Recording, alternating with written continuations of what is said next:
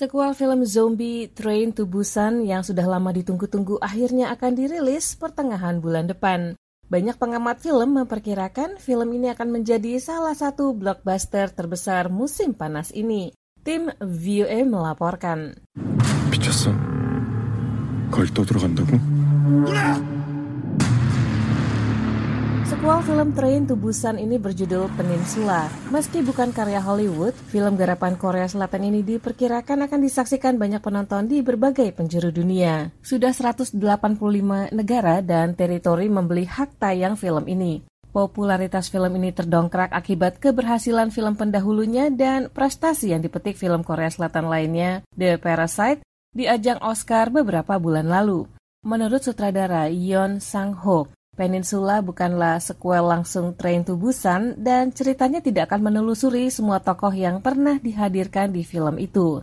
Film itu juga tidak menghidupkan kembali tokoh pahlawan Seok Woo yang mengorbankan diri di akhir film pertamanya.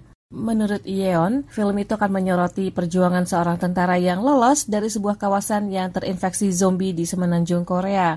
Empat tahun kemudian, ia dan timnya ditugaskan kembali ke kawasan itu untuk membawa pulang sesuatu yang berharga usaha mereka menghadapi dilema karena harus berhadapan dengan sejumlah penyintas lain. That's 2.5 million dollars per head.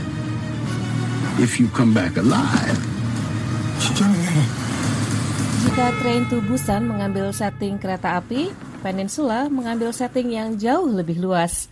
Walhasil dana produksinya hampir 16 juta dolar, hampir dua kali lipat dari film pertamanya. Aktor Korea Selatan Gang Dong Won yang kebetulan dilahirkan di Busan membintangi film itu sebagai Jung Seok, tentara yang memimpin misi ke kawasan zombie. Ia menceritakan tekanan yang dihadapinya dalam memerankan sebuah tokoh utama dalam sebuah film yang sudah banyak penggemarnya. 기본적으로 가지고 있는 그 인간에 대한 실망감 그리고 sebagai seorang aktor, menciptakan kembali sesuatu yang pernah dibuat merupakan beban tersendiri. Sebagai seorang aktor, saya ingin menciptakan sesuatu yang baru.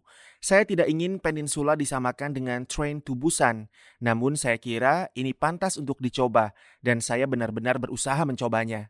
Dalam membangun konsep film Peninsula, sutradara Yeon terpengaruh film-film bertema kehancuran dunia seperti Land of the Dead, Mad Max, Fury Road, dan The Road.